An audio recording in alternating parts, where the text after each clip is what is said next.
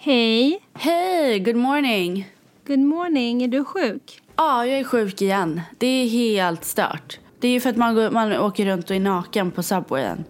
Ja, du kanske bara ska förvandlas till tant Brun och hitta tillbaka till dig själv och hålla dig frisk.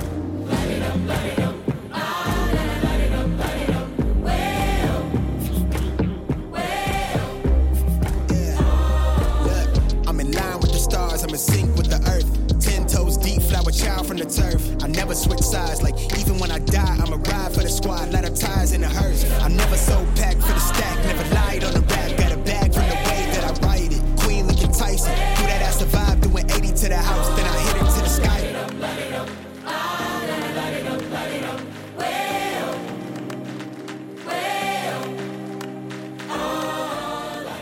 Vi var ju ute i helgen eh, med det gänget som vi brukar gå ut med. Och eh, du, För att, vem fyllde år? Jireel fyllde år. Ja. Han fyllde år och han hade hyrt hela Mr French och det var liksom Det var så fint. Hey Party hade pimpat upp stället och det var liksom så här fotobås och det var, nej men det var så här, det var grejer överallt och de hade, det var så välplanerat och det var artister som var där och sjöng och uppträdde och det var så här jag kände verkligen så här, det här, om Jasmine kunde sätta sig på ett plan nu och bara vara med i några timmar och sen åka hem så hade det varit värt det. För att du saknades så mycket. Och, den, och ni, det var verkligen så här, berätta liksom hela kvällen, vi vill veta. Var det en middag, åkte ni en partybuss? För jag såg ju någon partybuss. När kom ni till Mr Fra- French? Like, alltså så här. Ja, och det var en middag innan på ett ställe. Eh, och de käkade där. Jag skulle vara med på middagen men jag fastade så jag kunde inte. Och sen Nej. efter middagen så möttes de på partybussen och hade tydligen skitkul där. Vänta, så du missade partybussen? Ja. Åh gud, åh gud, åh gud vad det där är det sjukaste jag hört. Men okej, Ja. ja. Så Jasmine hade ju hur... Jasmine, eh, Mohammed då, vår kusin. Eh, och han, han missade ju för allt i världen inte någonting roligt. Så han... Nej, nej, nej. Nej, nej, nej, nej. Han älskar att festa. Så han stod ju där redo att hoppa in i den där bussen och han sa det, han bara Hayat, jag vet att den här festen var magisk, men bussen var allt. Han bara, det var så kul. Alltså, det är liksom, jag kan inte förklara, det var det bästa Nej någonsin. men alltså jag kan säga så, jag såg ju bussen, alltså folk som la upp klipp. Buss, alltså festen fick mig att vilja liksom sätta mig i en kajak och börja ro till Stockholm. Så kul såg det ut. Det var sjuka var att vi var typ ett gäng på så sju personer som var där. Men ingen var med någon utan alla vibade och strosade runt i sin, en, i sin ensamhet och pratade med andra. Du vet när det är så här, jag behöver inte ens ha med mig hela gänget utan jag kan bara hoppa runt och studsa runt själv. Och det var lite så det var för Jireel också. Han hoppade från den ena platsen till den andra till den tredje och bara liksom levde sitt bästa liv och det var så kul att se. Gud vad glad man blir för hans skull. Alltså gud det såg så, så lyckat ut. Och så här, så generöst av honom att abonnera Mr French verkligen så här, göra en grej utav det. Det såg verkligen så lyckat ut. Verkligen. Och sen efter den festen då på Mr French, så först var det middag, sen var det partybuss och sen efter partybussen så var det ehm, Mr French. Och sen var det Spybar, så då hade ju de ordnat lista där så alla som festade på Mr French kunde gå vidare till Spybar. Helt otroligt. Ja. Helt otroligt. Men det var en grej som hände på Spybar som fick mig, alltså det fick håret på mina armar att alltså gå rakt upp. Ja. Alltså jag var så arg att jag nästan så här, du vet när du ryser för att du är så arg. Ja. Jag måste bara säga, gud vad jag upplevs som en aggressiv människa. Du är det. Ja. Nej, jag, Jasmine, jag är inte aggressiv. Nej okej, okej, okej, okej. Ja. Ja, eh, men det är jättemånga som har uppfattat mig som det i den här podden så jag får väl rida den vågen. Men hur som helst så eh, går vi in på Spybar och så har vi bord där och vi har skitroligt. Alltså det var, alla har verkligen riktigt kul. Det var ingen som hade tråkigt. Det var verkligen nähä. episkt. Och så är det en DJ som står där och DJar lite.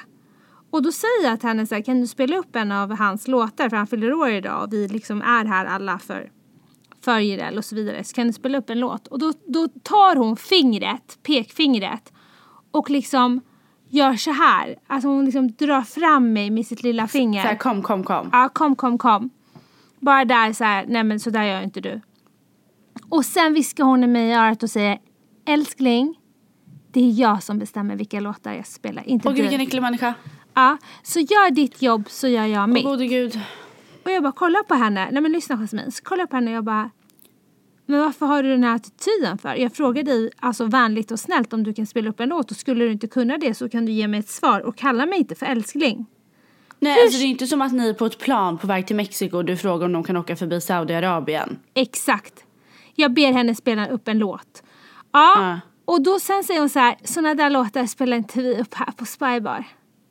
Ja, Nähä, vadå, hon typ äger, hennes pappa är typ ägaren nu av Spybar eller? men vilket är väldigt roligt för de har spelat upp hans låtar där och överallt. Men hur som helst, hon ville bara jävlas med mig, jag hade ingenting med något annat att göra. Då tittar jag på henne så här extra länge, fastnar i blicken, tittar. Och inser, jag inser att jag har varit i samtal med den här tjejen. Jag ska inte nämna namn, men extremt stora galer. Extremt stora galer.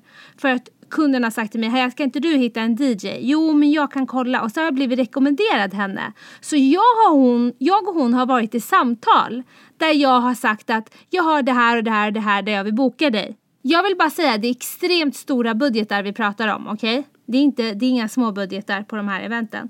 Och då kollar jag på henne och så bara fastnar jag i blicken. Hon kollar på mig typ såhär, alltså fattar du inte vad jag sa? Älskling, typ såhär, sluta kolla på mig. Och då bara säger, viskar jag henne i örat och bara säger så här. Du ska nog vara noga med hur du behandlar människor. Jag vet inte om du minns mig. Hon bara, kan du sluta prata? Jag håller på att göra mitt jobb. Jag, och jag bara känner så här, jag är inte klar med min mening. Jag ska prata klart. Ja hon bara, håll bara käften. Ja. Men du och jag pratade i telefon förra veckan. Du, jag bokade upp dig för det här och det här och det här och det här. Och jag vill bara säga en sak, det kommer absolut inte ske. Sa du det? Ja, jag blev så arg. Ja men det där, vet du, förlåt mig. Alltså folk som liksom tror att de, alltså så här, ah, nu är jag DJ på Spybar och nu ska jag liksom typ låtsas som att min pappa äger det här. Alltså gör bara inte sånt. Nej, vet du vad hon också så sa? Vet du vad hon också sa? Jag glömde säga. Sa hon så här. Du, du, det är inte så att ni har hyrt hela Spybar. Ni har ju bara hyrt ett bord. Nähä, åh gud Ja. tack för att du berättade det, vi visste inte det. Ja, alltså, och då sa jag till henne, nej det förstår jag ju. För hade jag hyrt hela Spybar hade ju alla jag känt varit här runt omkring mig och definitivt bara spelat den låten. nej, då hade man bara, nej, då hade man varit så här, du vet du vad, hade jag inte hyrt hela Spybar, då hade inte du varit här lilla älsklingen. Mm. Och jag fattar att hon gör sitt jobb och det är hennes levebröd och jag önskar att hon blir eh, inbo, alltså, bokad av andra. Men jag kommer inte boka henne för att jag tycker inte man behandlar folk så. Och det här är bara en sak. Hon gjorde ännu värre grejer mot andra som var där på plats och var riktigt så här spydig och typ vidrig. Så det jag vill säga är en sak. Behandla alla lika. Sluta särbehandla människor bara för att man är någon eller Nej men alltså det är det värsta jag vet. Förra veckan var hon Olof Palme, denna veckan är hon någon sån här president för typ eh, liksom FN. Vi Nej men jag kommer ihåg när vi var små. Då sa mamma alltid så här. Tänk på hur du är mot alla i din klass. De som kanske inte är superpopulära just nu kanske blir läkare och när du blir skadad någon gång så kanske det är just honom du går till som behöver hjälpa dig. Så behandla folk väl och se till att, liksom, att inte sätta något eh, olika värde på människor. För att någon dag kommer du behöva dem eller de dig och tvärtom. Och det där har jag alltid haft i bakhuvudet och det har gett mig så otroligt mycket. Ja. Ehm, Men det är verkligen så. Kan vi pausa lite? Jag måste bara snuta mig. Vänta. ja.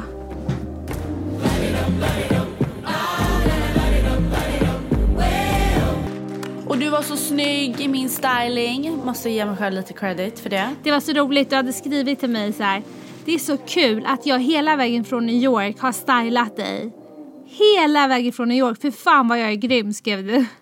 Ja, och allt satt som en smäck. Ja, så var det. Hur har din vecka varit och hur mår du förutom att du är sjuk? Nej men det har varit bra men jag har ju varit sjuk nu i liksom typ två veckor. Eh, Så att jag har jag har liksom inte varit så aktiv. I måndag så var jag med en kompis och vi gick så här och åt brunch på min diner. Sen så gick vi till mitt gym och träna och sen så gick vi och promenerade lite i Central Park och så gick vi åt där jättegod ramen och det var så här skittrevligt, skitmysigt men, ehm, men jag är ju liksom sjuk. Så att jag har inte varit så där superaktiv om jag ska vara helt ärlig. Nej. Um, det har jag inte. Och sen har jag haft så här, lite så här, också när man är i USA så måste man ju ha, jag har ju svensk, eh, eller så här danskt försäkringsbolag som heter Goda. Så jag har haft lite, förra, förra veckan så hade jag problem med typ mitt tandkött så jag behövde gå till tandläkaren och då var de så här, ja men inga problem, skicka bara in kvittorna och det. Och även om man vet att man får tillbaka pengarna och det så blir det nästan att man så här, drar sig från att så här, gå till läkaren eller tandläkaren mm. för att man inte orkar allt jobb, liksom, pappersarbete. Men så jag gick till tandläkaren och sådär. Sen igår så skrev jag till försäkringsbolaget och bara, jag behöver, nu behöver jag liksom träffa en, en läkare och så berättade jag varför. Varpå hon svarar så här, Hej, eh, vi ser att du har betalat in din försäkring i januari men du har betalat in medan du är i USA och du behövde betala in medan du var i Sverige. Så du har ingen försäkring. Och Oj. jag vet liksom inte, jag vet inte hur jag ska förklara det här men jag blir inte så, så lätt stressad men här blev jag verkligen så här, men vänta nu. Så du menar att jag förra veckan helt och hållet enligt er kunde gå till tandläkaren. Nu menar du att ni har tagit emot mina pengar men jag går runt i ett land som USA och är oförsäkrad. Alltså jag var så här, förlåt mig, kolla upp det där på en gång återkom till mig för jag vågar fan inte ens korsa liksom ett övergångsställe. Nej. Eh, för det är ju inte stället man liksom inte är försäkrad på. Nej. Så jag bara blir så här, åh oh, gud, ett sånt där som stressar ur Nu fick jag mail från henne nu här på morgonen och bara Ja, ah, det är lugnt, jag pratar med min kollega, det ska vara lugnt. Och då, också så här, varje gång man pratar med någon då, för de har så en alarmcentral som man måste skriva till innan man behöver besöka en läkare. Ja.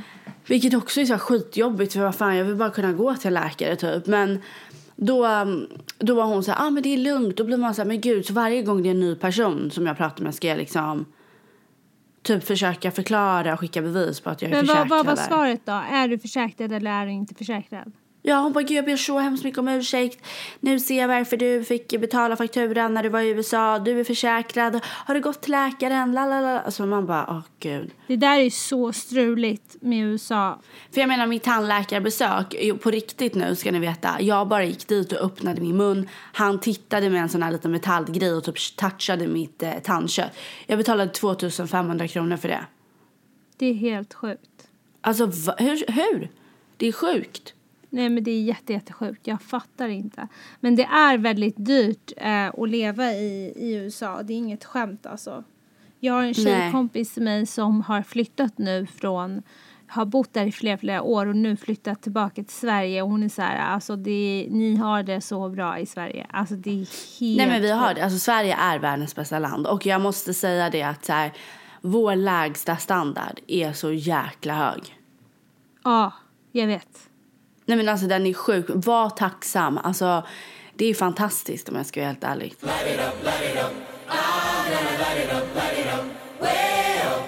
Jag vill faktiskt eh, lyfta en person den här veckan ja. som jag... Eh, eh, jag älskar den här personen mer än allt annat. Hon är liksom enastående. Hon gör saker för människor eh, som är nära henne. Hon har gjort jättemycket för mig. Alltså otroligt mycket för mig. Men och det kan man ju tycka så här, ah, har man en nära relation till någon så är det kanske inte så konstigt att ställa upp och finnas där. Men hon gör alltid det lilla extra.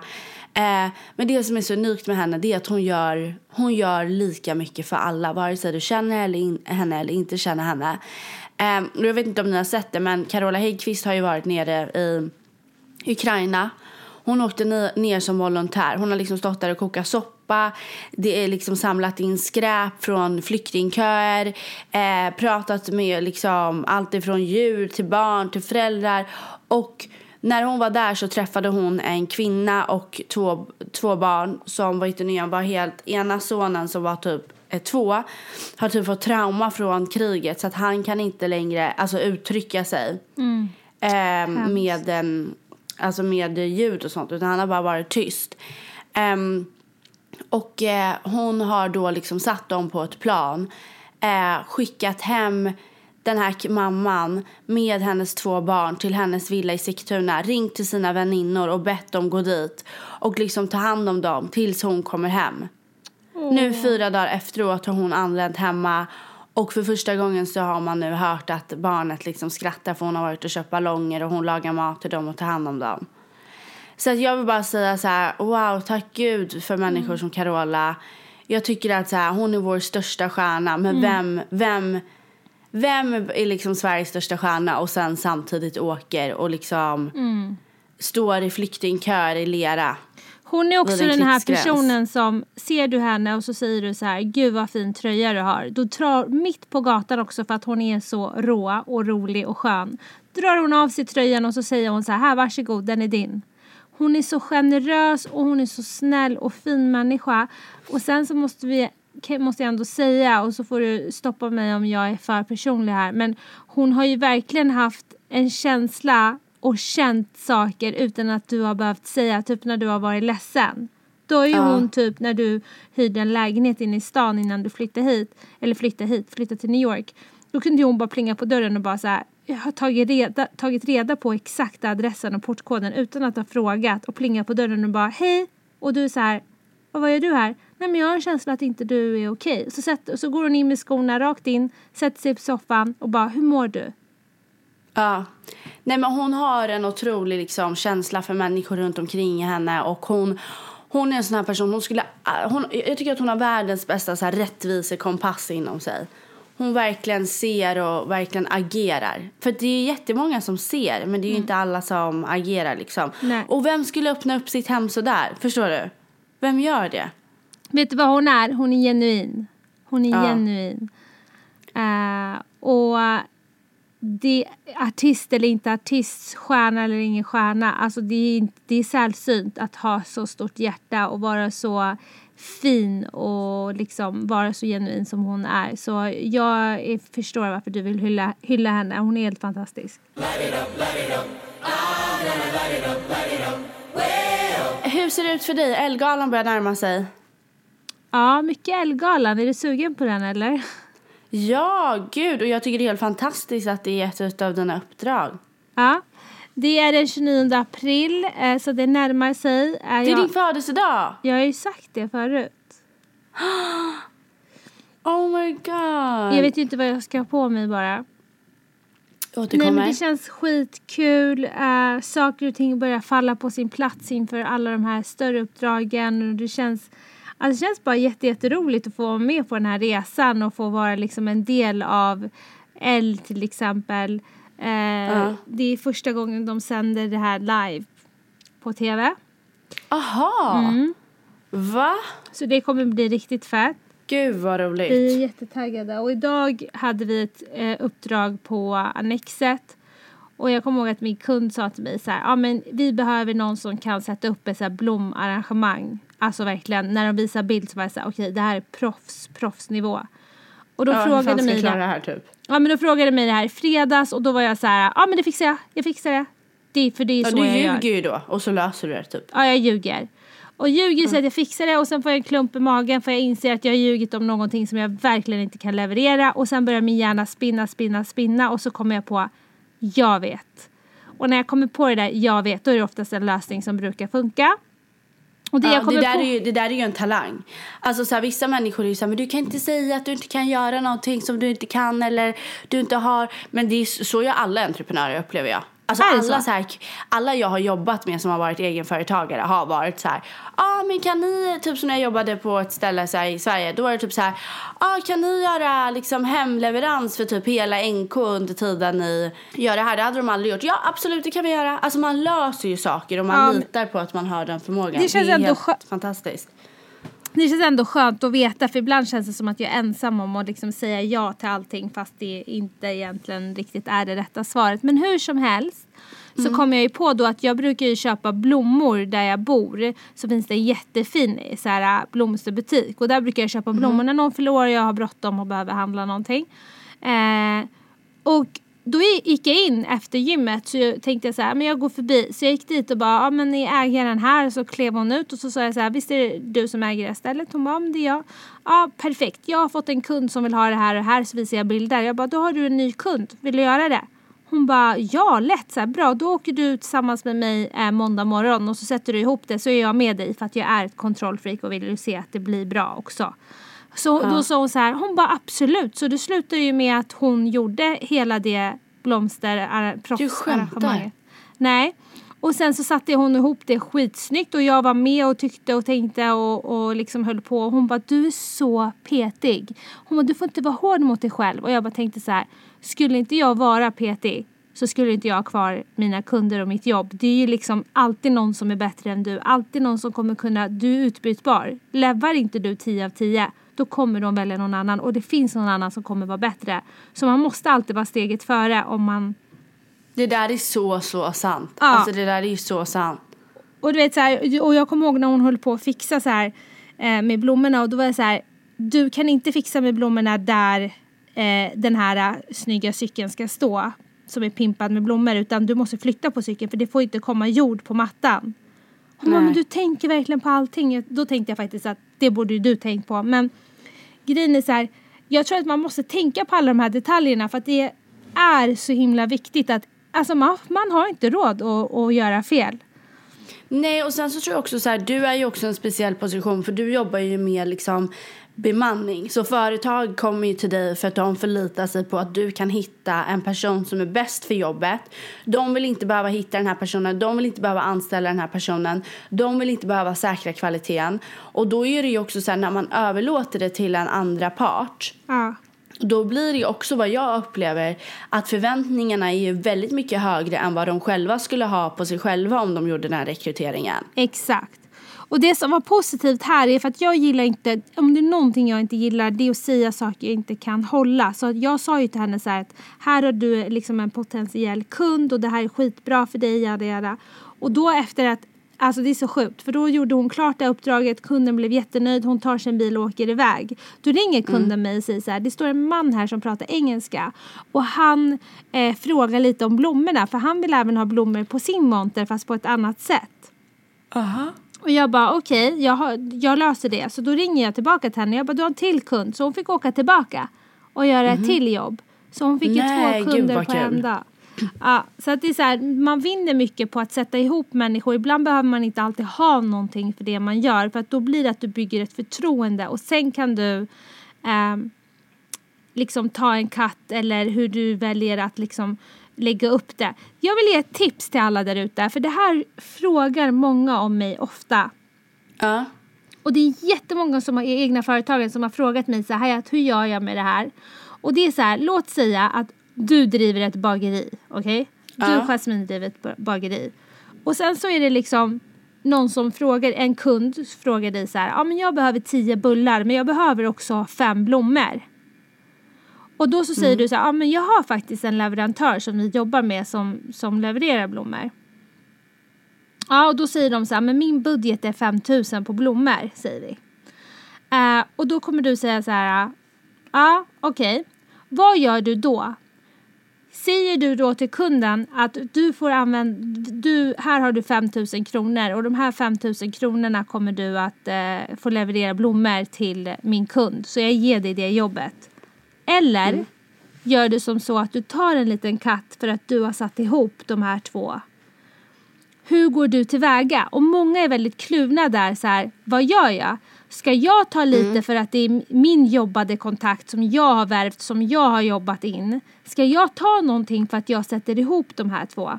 Eller ska jag Ja. bara vara schysst och låta dem liksom tjäna, tjäna mellan varandra och jag ska inte ta någonting där i mitten? ja, vad tycker du om det? Då tycker jag så här.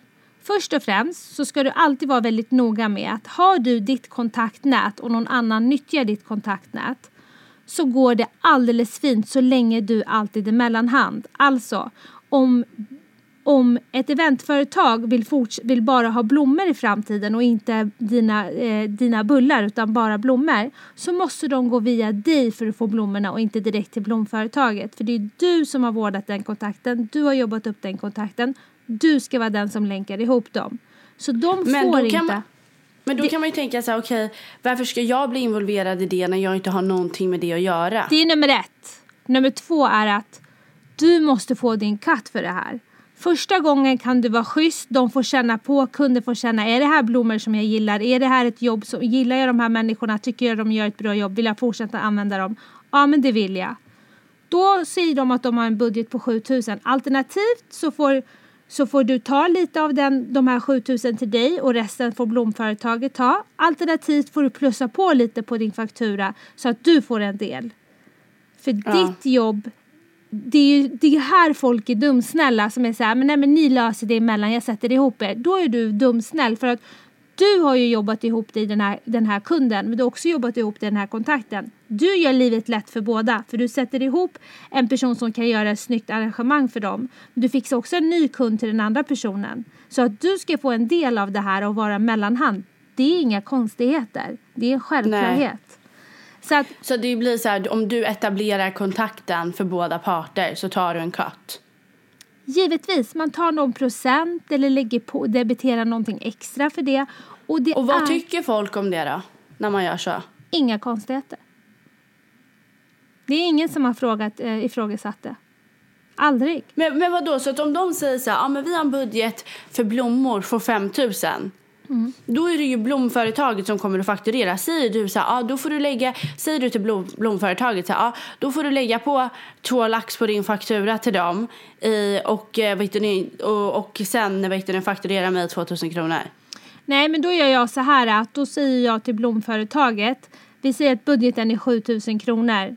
Om, om, om kunden säger vi kan inte lägga en krona mer än 7000 kronor, då får jag säga för det här så får ni 4000 kronor till blomföretaget. Blomföretaget fakturerar mig 4000 kronor, varav jag fakturerar kunden 7000 kronor. Så vad får blomföretaget då? De får fyra, jag får två om jag vill ha två för det. Smart. Och gör du tio sådana per vecka då kommer du upp till en summa. Så att det- det är så här, det är inte att vara liksom egoistisk eller girig. Det är att vara smart och inte dumsnål. För att grejen är den att du måste ju, eller dumsnäll skulle jag vilja säga, för du måste ju också tänka på ditt levebröd. De tänker på sitt och här är ju du bara en fantastisk person som sätter ihop två personer som kan göra en bra, en kan göra en bra affär och en kan bli en lyckad, en, en nöjd kund. Mm. Och du ser till att det här händer. Och då vill jag ge mitt sista tips och det är att om du känner så här, okej det här är lite nya människor som jag sätter ihop och den här leverantören känner inte jag riktigt. Skriv ett kontrakt att så länge du jobbar med mig och alla kunder som kommer via mig får du inte gå utan mig utan då måste du gå via mig.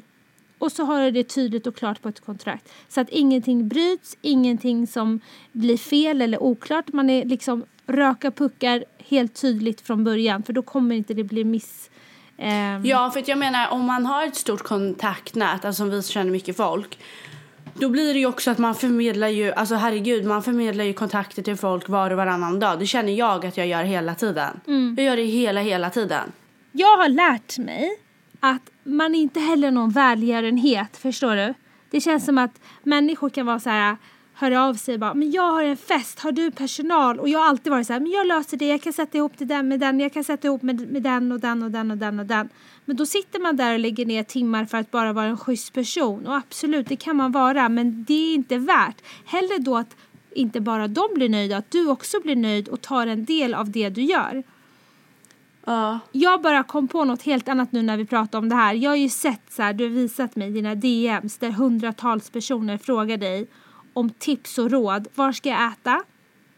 Var ska Ja. jag bo? Nu är jag och min familj på väg till New York och vi vet inte vad, vad vi ska, vilket museum vi ska gå till. Vi vet inte vad vi ska äta, vi vet inte vart vi ska bo, vi vet inte vad vi ska göra. Vilken taxi åker vi? Har du något nummer dit? Har du någon speciellt bra app till det här och det här och det här eller vad det nu än är? Ja. Och då känner jag bara så här. Alltså förlåt mig, men bara för att hon bor i New York så betyder inte det att ni ska fråga henne, stackars människa, om allting. Alltså jag är så här. Jag är i chock över hur mycket folk frågar Nej men alltså bara tips. så ni fattar, det kan typ vara så här, typ förra veckan fick jag typ så här, hej jag kommer till, med mitt företag till New York och vi behöver ett konferensrum och ett hotell med glutenfri mat. Alltså så här, jag har ingen aning. Men jag har kommit på världens bästa idé och det är att vi kanske ska börja köra lite New York-tips i podden. Så kan folk bara gå in och lyssna på podden. Ja, Och så smart. får de lite juicy tips. Jättesmart. För att jag menar, jag får ju förfrågningar så varje vecka. Alltså fullt, fullt, fullt. Ja.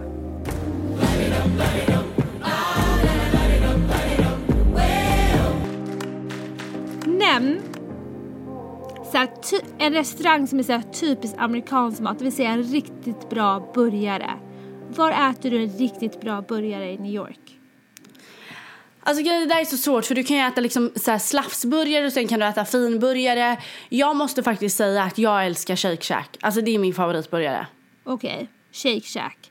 Och den, det är en kedja och den finns lite överallt. Det är inte bara Den finns lite överallt, man kan googla, den finns precis liksom lite överallt. Annars så tycker jag att man kan äta en riktigt god burgare om man går in på liksom en grym diner. Okej, och då är min nästa fråga. Alla gillar ju att bruncha och när man är liksom i New York och man är ute och shoppar och man ska liksom springa runt på massa liksom härligheter. Då vill man ju stanna upp så mitten mellan lunch och frukost Ja. och äta en brunch. Vart käkar man en brunch då? Då kan, det finns så många fantastiska ställen, men jag ska bara ge ett till att börja med då. Och då är det eh, the one and only. Jag rekommenderar alla att gå till Bobby's i Tribeca. Hayat, du har varit där. Eh, de har också blivit så utsedda för att ha typ New Yorks bästa pannkakor.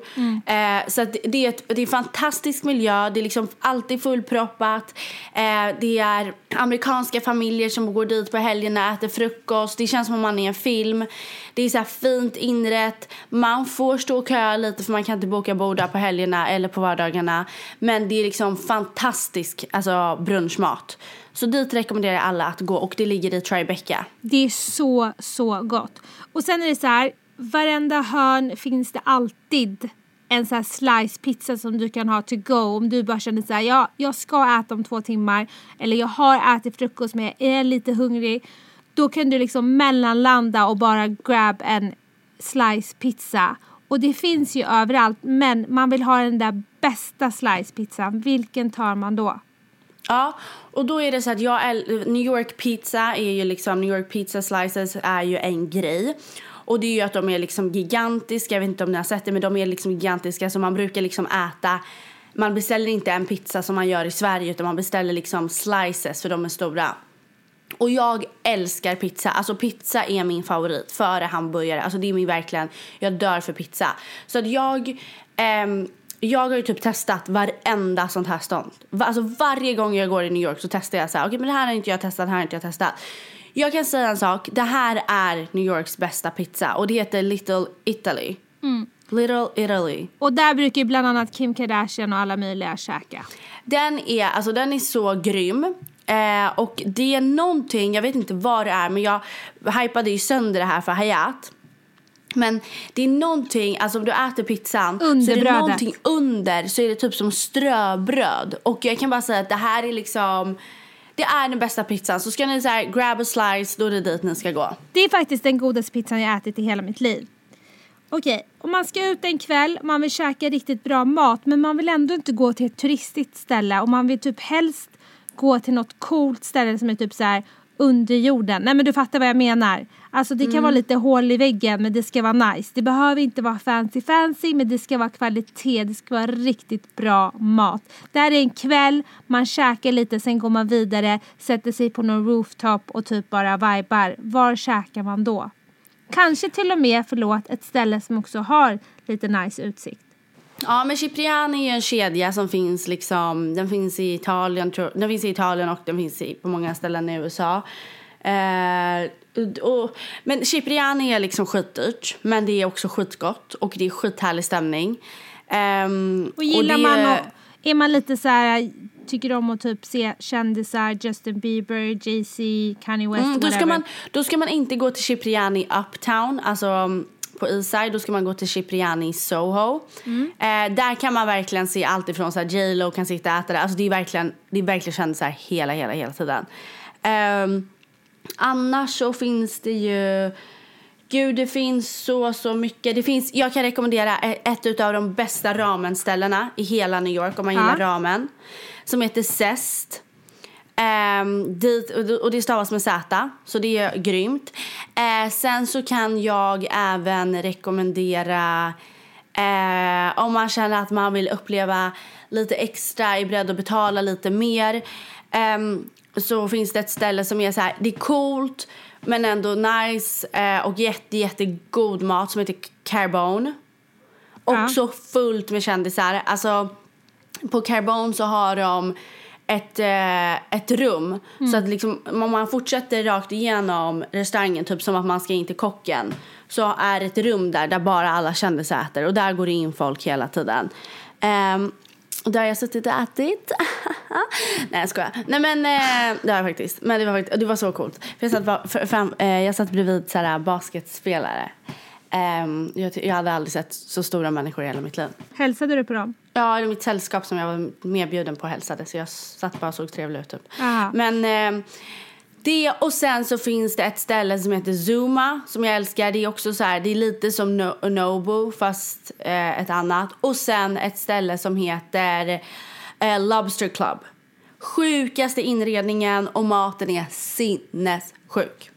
Tack för dina tips, men då vill jag bara ställa dig en fråga som jag har sett att väldigt många också frågar dig. Och det är, nämn en sak som man måste se eller ha gjort när man är i New York. Om du reser för första gången till New York och du behöver liksom, vad är, för vi, ibland kan jag tycka och tänka att det är väldigt mycket onödiga saker som folk säger så här, du måste se det här, du måste gå till det där eh, museet, du måste gå förbi där och så är det så här det, det är verkligen inget speciellt. Men någonting som är så här, okej det här får du inte missa. Ja, alltså det beror på vad man har för intresse men jag tycker inte att man kan missa The Met. Nej. Det är det sjukaste. Alltså så här, jag skulle inte säga att jag älskar museum men det museumet är verkligen, alltså det är verkligen så, så sjukt. Ja. Och sen så tycker jag att man ska försöka liksom gå ut på rooftops och liksom nu är ju att gå över Brooklyn Bridge är liksom värsta turistgrejen men det är också sjukt vackert. Det tycker jag absolut att man ska göra. Ehm, och sen så finns det, jag måste tipsa om en till restaurang. Men det är också någonting man bara kan göra som en så här aktivitet. Men det finns ett ställe som heter The Edge. Ja. Som är, jag tror att det kanske till och med är högre än Empire State Building. Men det ska typ vara den högsta by- byggnaden i New York. Och där så är det som en platå som bara hänger ut i luften. Och där kan man gå ut och se hela New York City. Och det är liksom bara glas. Det är glasgolv, glasväggar. De har också en fantastisk restaurang, lite dyrare mat. Man kan liksom sitta och äta middag med den här viewn. Eh, Ja. och man kan också, vilket jag tänkte testa i sommar, med sele tes- eh, klättra ända upp på byggnaden. Nej. Jo. Omöjligt. Nej, så det, det är också någonting. The edge. Hade jag aldrig vågat. Eh, jag vill faktiskt ge ett tips här. Och det är om du vill ha en riktigt bra milkshake, alltså så brutalt bra. Då ska Ja, du den gå, bästa. Ja, då ska du gå till en klädesbutik och inne, det här är så coolt, för inne i klädesbutiken så är det som en liten kiosk. Och i den här kiosken så kan du beställa de absolut sinnessjuka milkshakes som jag har, alltså aldrig i mitt liv ätit så gott. Vad heter den? Eh, den klädbutiken det är också en sån här jättehipp klädbutik och jag tror att alla milkshakes där är liksom, det står namn jag kommer inte ihåg men det är kändisar som har gjort dem. Så klädbutiken heter Kit. Eh, och det är, eh, det är så här, de har allt ifrån liksom sneakers till eh, kläder till eh, jackor, alltså skitnice butik. Så det Na- tycker jag också ni ska olika besöka. märken typ i ett. Ja. Nästa avsnitt kan vi ju ta lite mer eh, kanske klädbutiker och sånt. Ja, för för vi det har är ju väldigt mycket så här sneakersbutiker. Eh, ja, det finns ju hur mycket som helst. Det är du väldigt bra på också så det tycker jag definitivt att vi ska göra. Jag berättade för dig lite kort men jag drömde ju om dig häromdagen. Och Gjorde det, du? Ja, jag drömde om dig och det är så sjukt för att det kan vara så här, det här är sen vi var små, men om du typ någon i klassen var taskig mot dig i skolan eller om typ så här en chef har varit lite elak mot dig eller att du hamnat i clinch med någon eller att någon har typ gjort dig ledsen. Då känner jag, alltså på riktigt, det här är helt sjukt, du är den enda personen jag känner så för. Men då kan jag känna, alltså det du känner. Alltså det skulle till och med vara som så att du är i en relation med någon. Vi säger att du är tillsammans med en kille. Och så behandlar Ja. dig, han dig illa. Då är det som om att han har trampat mig på tårna också. Alltså jag känner mig Ja. förnedrad. Så om jag skulle typ se den killen så skulle jag bara säga, men vänta, vad håller du på med? Hur kunde du göra så här Ja. mot mig? Och det var typ en sån liknande grej som jag drömde om. Det var någonting som hade hänt och, och någon hade gjort någonting mot dig. Och så i drömmen hade jag träffat den här personen och jag var så arg. Alltså jag var så arg. Aggressiva tjejen dök upp igen. Och du vet, Ja. jag var så, alltså så förbannad och det, är så här, det bara växte i min kropp. Och jag vet inte om det är för att det är så här stora systerkänslor att så här, ja men du, du jiddrar inte med min syrra typ. Jag vet inte vad det är. Ja. Men, eh, ja. Men det är så sjukt att du gör det för det, det, det är ju ofta, när du drömmer om det så är det ju ofta så att det är någonting. Eh, och det var det ju, så det var ju, det är väldigt, det är väldigt nice att ha en människa som har så mycket medkänsla med Ja, verkligen. Men du, du ser väldigt sjuk ut måste jag säga. Ja, det får nog bli ett kortare avsnitt den här veckan. Jag måste verkligen lägga mig och vila. Det här, är, det här tar ju på mina krafter. Ja, du får vila upp dig och eh, krya på dig och så kan vi väl höras lite senare.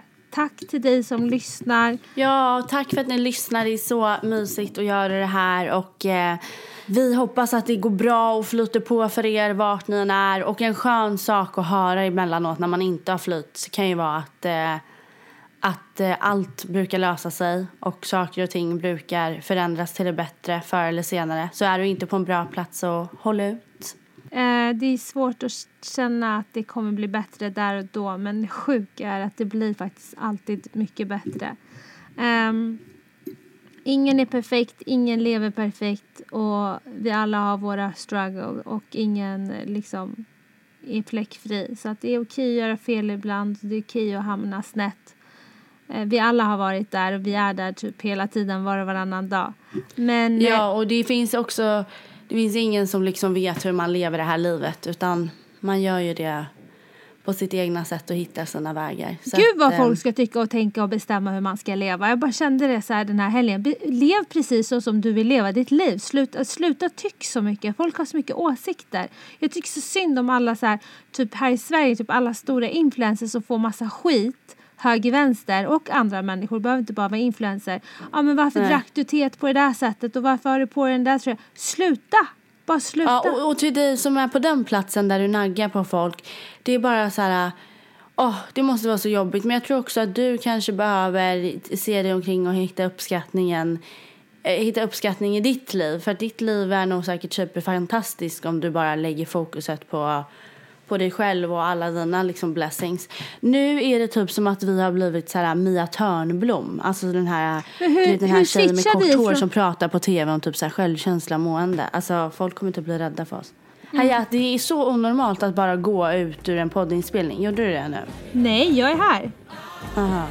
Puss puss, krya på dig. Puss puss, hej. I'm in line with the stars, I'm in sync with the earth. deep flower child from the turf. I never switch sides, like even when I die, I'ma ride for the squad, lot of ties in the hearse.